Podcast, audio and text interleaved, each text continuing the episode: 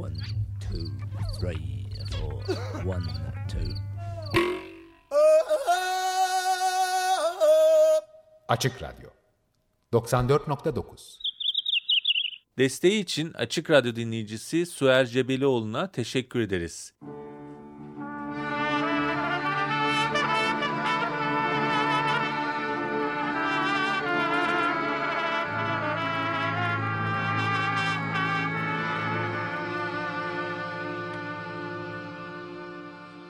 Yeşil Bülten.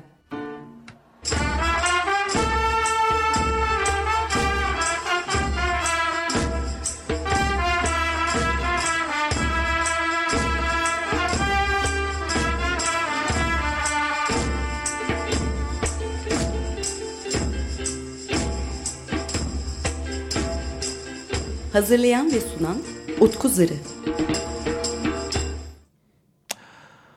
9 Mart 2017 Perşembe saatler 11'i gösteriyor. Yeşil Bülten'i dinliyorsunuz. Ben Utku Zırı Teknik Masa'da Selahattin Çolak. Bu hafta bu saat diliminde Yeşil Bülten'in saat diliminde sizlerle yine çevre ve ekoloji gündeminden notları paylaşacağız. Ve bu hafta başlayacağımız bir bu hafta en azından bir kısa girizgah yapacağımız bir e, faaliyetimiz olacak diyelim. Düzenli olarak yapmayı ummakla birlikte artık bakacağız ne kadar bir düzene oturtabiliriz bunu ama ekolojide ekoloji meselesinde sık sık kullandığımız kavram ve tanımları birazcık sorgulamaya çalışacağız. Bunu sizinle birlikte yapmayı hedefliyoruz. Öncelikle bunu da söyleyelim. Yeşil Bülten'in Facebook ve Twitter hesabından e, programa dair, programda konuşulanlara dair görüş ve fikirlerinizi, önerilerinizi, tartışmaya katkılarınızı bekleyeceğiz efendim. Ama ondan önce e, birazcık neler olmuş bitmiş bu hafta ona da bakalım. Ee, öncelikle tabii bir mesele var ki çokça konuşuyoruz biz İstanbul'un 3. havalimanını. O havalimanı inşaatının, büyük bir süratle süren havalimanı inşaatının durumlarını dünden önceki gün bir haber yayınlandı. Özgürlükçü Demokrasi adlı gazetede. E, ve orada uzunca bir zamandır iddia edilen havalimanı inşaatındaki e, işçi ölümleri, iş cinayetleri konu edildi. İş cinayetlerinin gizlendiği iddiaları yine bu haberde de yer buldu. Onları paylaşalım sizlerle. E, bazı işçilerin ifadelerine yer veriliyor haberde ve e, orada bir dolgu alanı olduğu için ve müthiş müthiş bir süratle bir çalışma sürdüğü için yüzlerce binlerce kamyon düşünün koca bir alanda. Oradan oraya e, gidip duruyorlar gidip gelip duruyorlar ve bu kamyonların e, sebebiyle çoğunluğu trafik kazası ya da bu kamyonlardan kaynaklı olmak üzere işçi ölümlerinin çokça olduğu, çokça yaşandığı, arttığı yönünde bir e, haberdi. Bu konuyu Cumhuriyet Halk Partisi Milletvekili Ali Şeker de zaten bu biçimiyle meclis gündemine taşıyıp soru önergesi varmış. Üçüncü Havalimanı inşaatında saklanan e, ve olandan çok daha fazla olduğu e, ileri sürülen iş cinayetleri meselesini. Bir son dakika bilgisi olarak Önder Algedik paylaştı. Zaman zaman konukta alıyoruz Önder Algedik'i 350 Ankara'dan. Ee, onu da sizlere aktarayım hemen. Önemli de bir bilgi.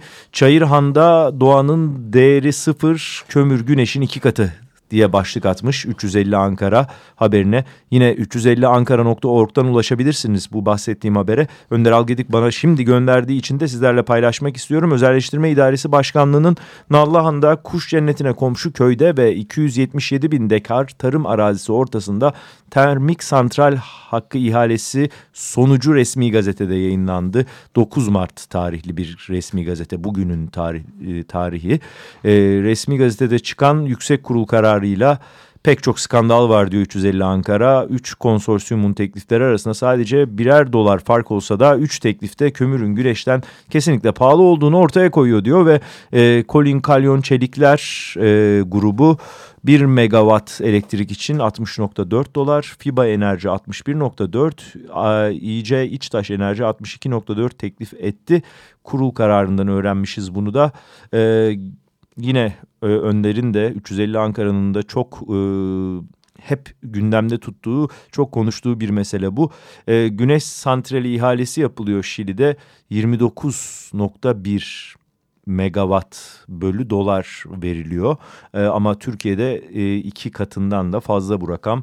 Neden kömür diye soruyor e, tabii ki.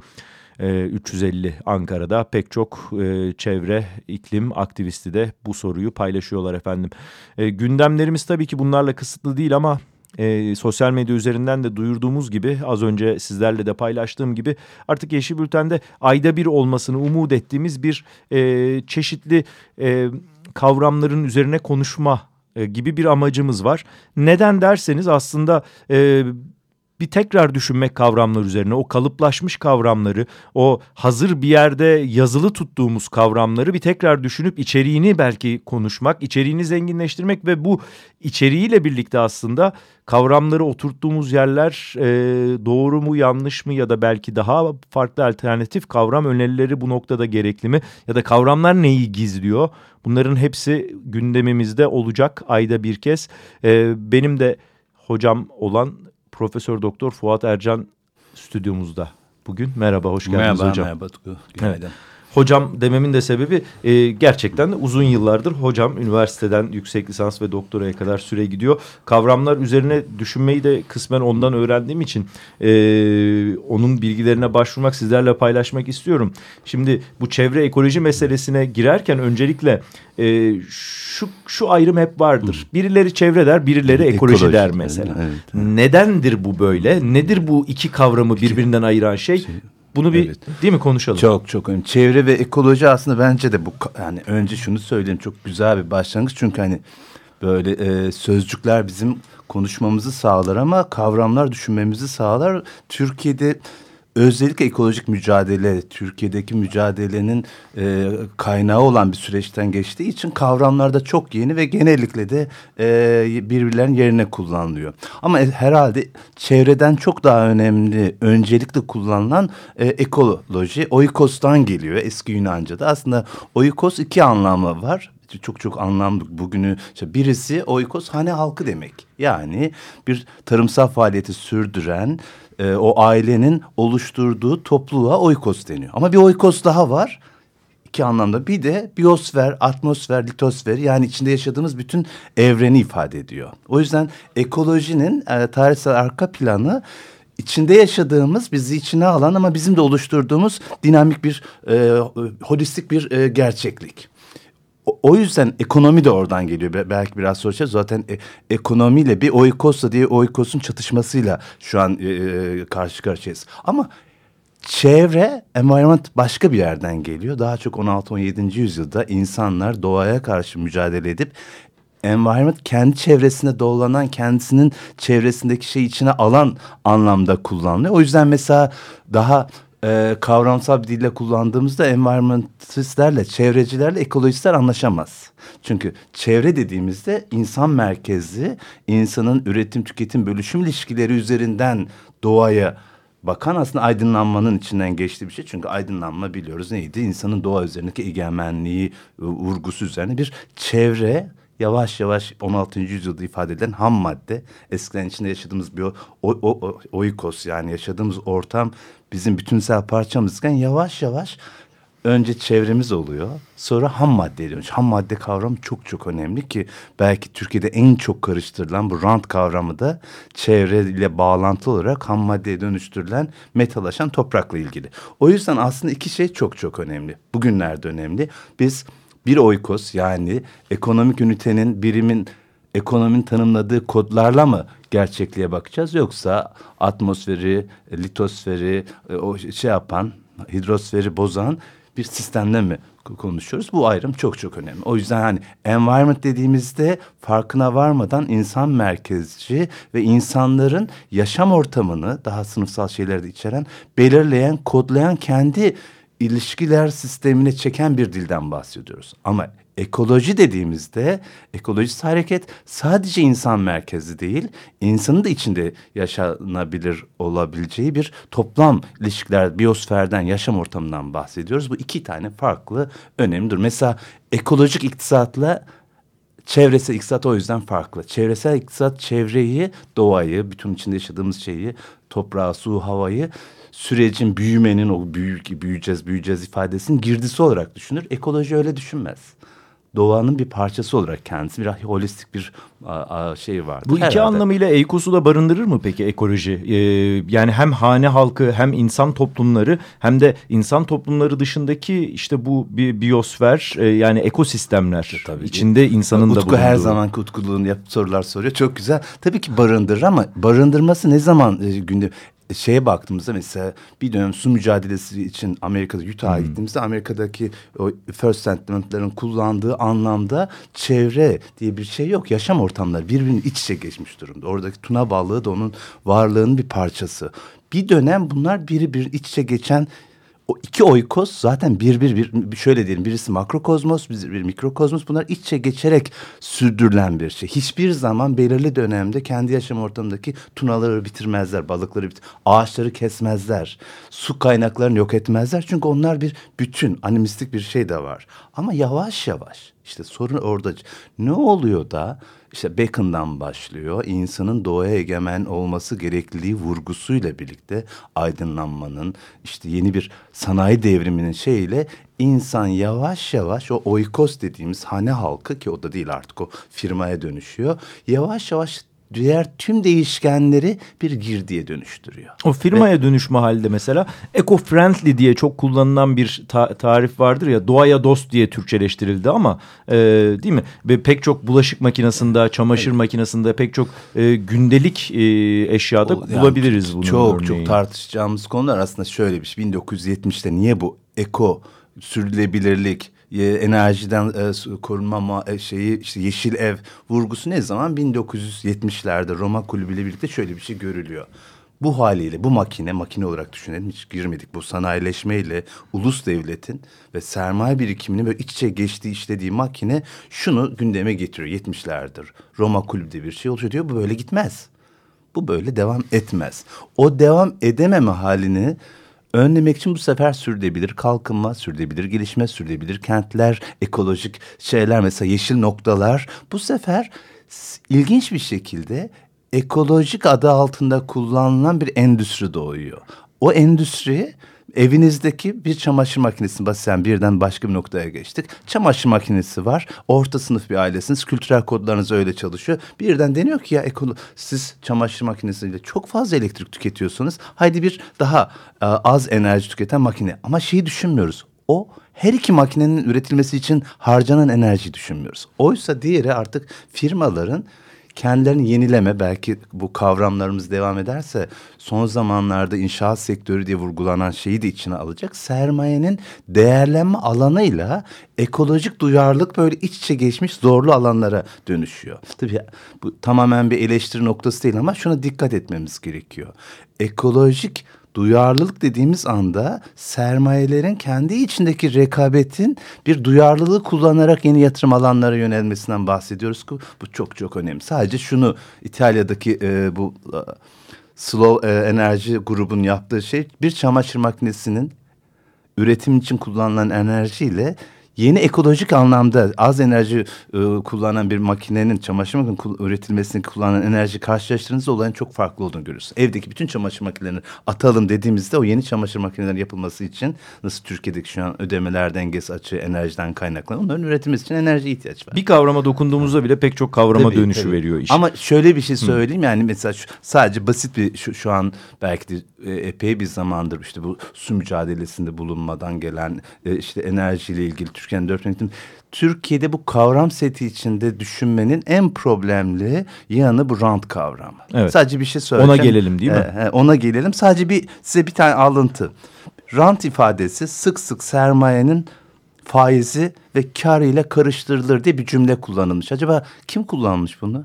Yeniden söyle. Rant sermayenin karı ve faiziyle karıştırılır diye çok önemli bir cümle vardır. Bu cümle 1817 yılında yani 200 yıl önce ilk defa rant kavramını kullanan Ricardo'nun dile getirdiği şey. Sermayenin karı sermayenin faiz getirisiyle rant arasındaki ilişki belki de hani şimdi aç, açsak üzerine gidecek vaktimiz de yok bilmiyorum ama Türkiye'de işte Türkiye bir inşaat şantiyesine döndü. AKP iktidarı bir rant ekonomisi dendiğinde çok e, kavramsal olarak yanlış bir yerden hareket ediliyor gibi geliyor bana. İşte Bugün zaten birazcık bunu konuşmaya çalışacağız hocam. Çok kullanıldığı çok yer var. Özellikle çevre, kent, ekoloji mücadeleleri alanında e, kentsel rant, e, o inşaat rantı, rant projesi, rant e, dünyası, rant iktidarı diye giden böyle rantla Evet. e, üretilen pek çok şey.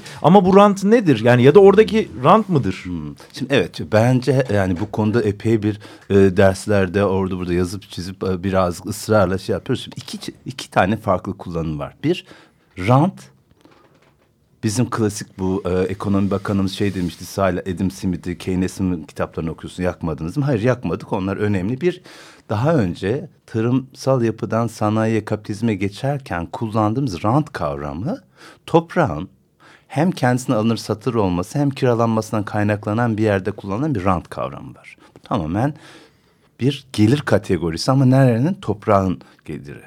Bir de sermaye yani elinde sermayesi olan insanların üretim sürecinde ellerindeki sermaye üretim sürecine koyup elde ettikleri kar var. Bir de bir para formu var. Onun da getirdiği faiz. Türkiye'de genellikle rant faiz getirisiyle bir dönem karıştırılıyordu.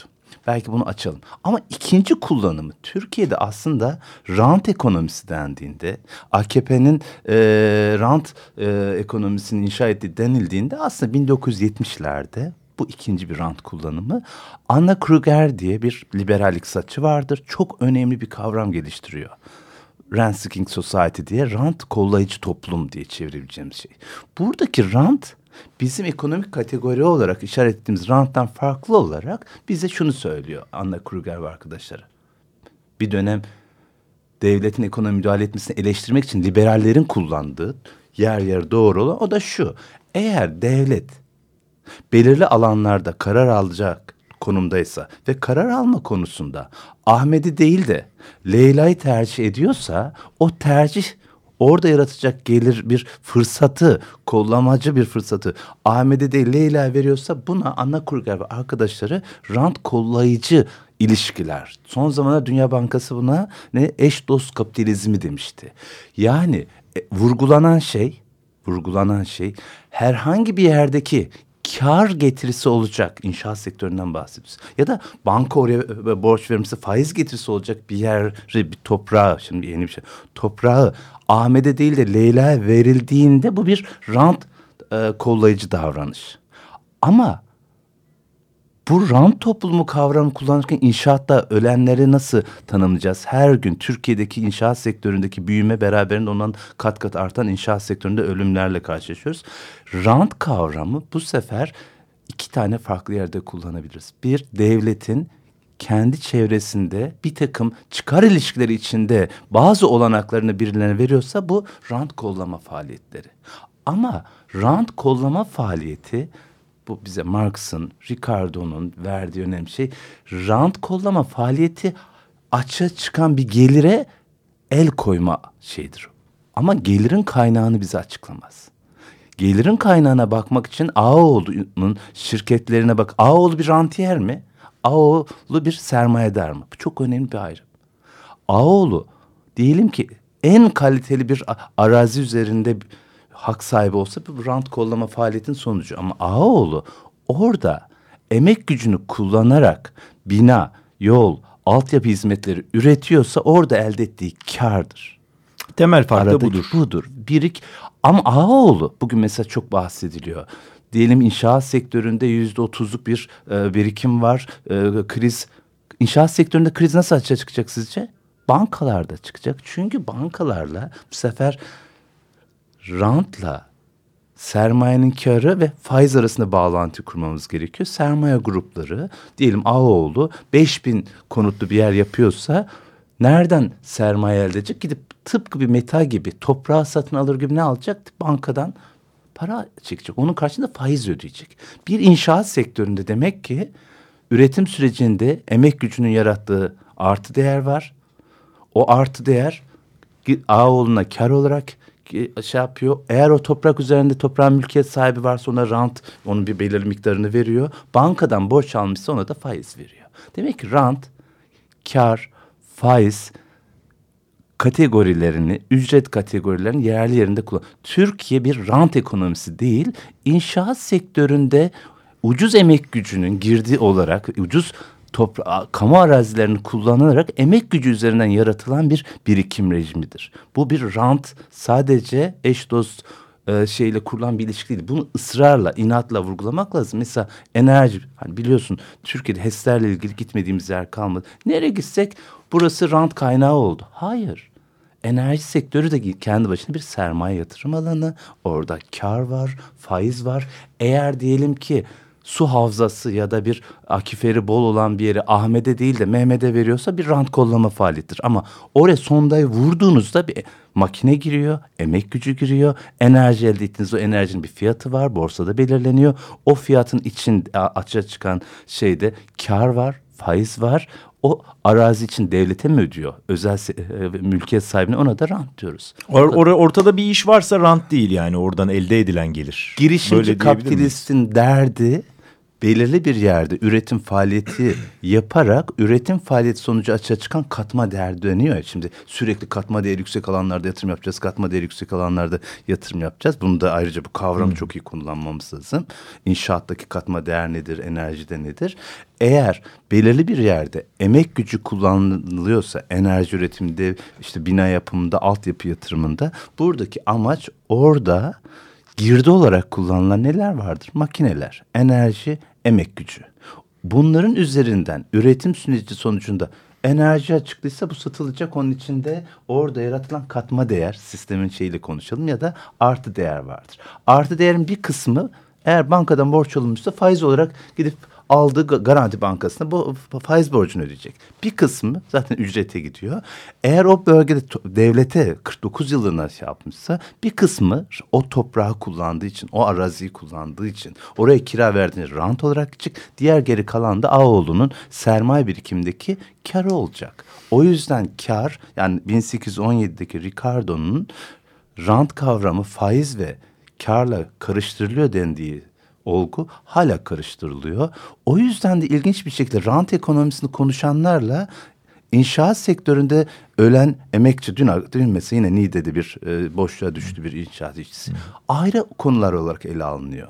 Oysa kar, ücret, rant, faiz kendi içindeki iç bağlantılarıyla birlikte ele alınması gerekiyor. Bir örnekle e, belki biraz daha e, berraklaştıralım konuyu. Osman Gazi Köprüsü hikayesi var Türkiye'nin evet. değil mi? Bir köprü yapıldı. Evet. E, dünyanın en uzun köprüsü dendi falan filan oraları geçelim ama bir alım garantisi verildi. Geçiş garantisi verildi hazine tarafından. Şu kadar araç geçecek, şu kadar fiyata. Fiyatta. E, eğer altında araç geçerse ben kalanını sana vereceğim, vereceğim dedi ve bu Osman Gazi Köprüsü içinde dendi ki siyasal iktidar tarafından devletin kasasından Kazası. bir kuruş para çıkmadı. Çık, çık. Şimdi burada e, bu inşaatı yapan şirketlerin Hı. kazandığı gelirin adı e, rant olmuyor. Tabii ki olmuyor. Hı. Ama şimdi o belki Ama rant kollayıcılık olabilir. Olabilir. Birilerine veriliyorsa Çünkü mesela diyelim proje. ki o köprü inşaatını mesela AKP müteahhitleri diye bir kavram çıktı. Hı. Köprü inşaatını demin verdiğimiz gibi orada bir dizi bavullu dolaşan ihale alan mesela AKP iktidarının ilk ilk seçimde o zaman şimdi Cumhurbaşkanı e, hapisteyken seçimde AKP kazandığında ne demişti? İhale ile ilgili. Ben ihaleyi bir avuç insanı bırakmam. Ha burada bir kollama faaliyeti var. Ama ne hangi inşaat, hangi arazi, hangi enerji kaynak kime verilecekse burada bir kollama var. Ama oraya işletilmeye başlatıldığında oraya sonda makinesi, oraya iş makineleri, oraya mühendis, oraya doktor, oraya işçi gittiğinde artık bir üretim faaliyeti var. Üretim faaliyetinin kendisi zenginlik yaratır. Gayri safi milli hasıla yüzde dört arttı dediğimizde yüzde dört rant artmaz.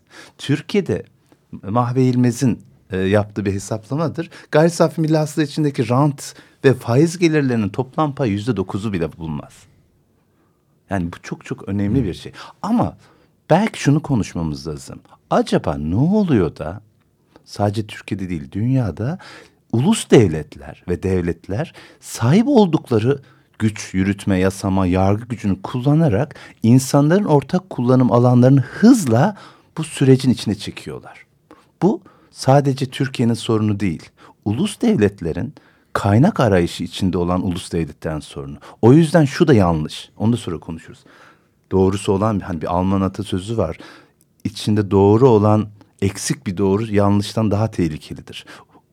şu AKP etrafa kaynak dağıtıyor ifadesi doğru ama AKP değil de başka bir parti olsa da bu devletin kaynak ihtiyacını karşılamak zorunda. Yani ulus devletlerin son 20 yılda bunu ta Schumpeter bir dönem söylemişti Tax Crisis of State diye. Ulus devletlerin kaynağa ihtiyacı var. Bu kaynağı nasıl yakalayacak? Nasıl şey olacak? Bir dönem ne vardı? Egemenlik para basıyordu. Değil mi enflasyon? Merkez Bankası, ey Merkez Bankası dendi çünkü Merkez Bankası bağımsız. Bir dönem uluslararası devletler arası para akıyor. O yok. Kamu stratejisi özelleşti. Peki bütün bu devlet makinesi bir makine olarak düşünün.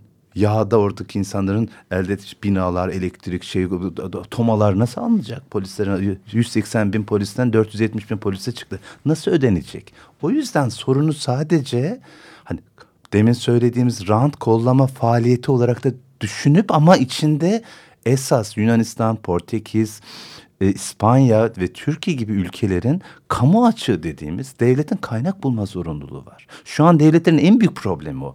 O yüzden de ekoloji demin oikos dediğimiz toprak, hava, su hızla sürecin içine çekiliyor. Orada da belki hani ayda bir eğer yapacaksak metayla bir meta kavramıyla ulus devlet arasındaki ilişki nedir? Bir meta nasıl sektörleşir? Yani bir inşaat e, olduğunda onun bankayla bağlantısı nedir? Biz buna parayla bağlantısı. Onun emek gücüyle bağlantısı nedir? Onun girdileri alan inşaat için bu, bu şey çimentosudur, demiridir, elektrik aksanıdır. Bununla bağlantısını kuracak bir meta nasıl sektör oluşur ve ulus devletler burada Marksizmin, Marksistlerin eksik yanı ulus devletler nasıl bir meta yaratıyor ve onu sektörleştiriyor. Mesela su.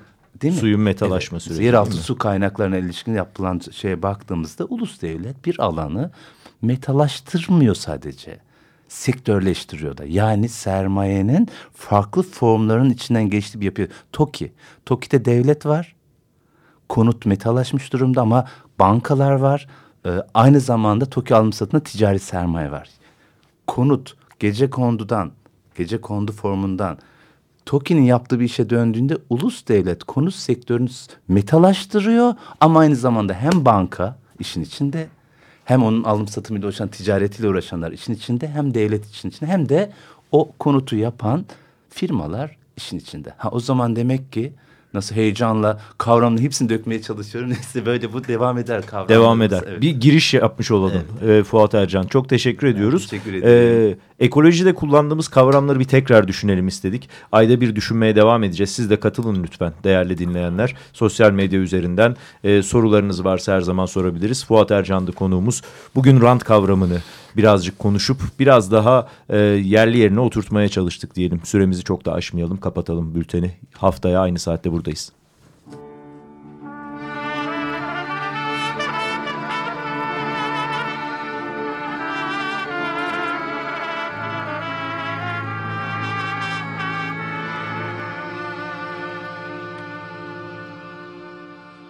Yeşil Bülten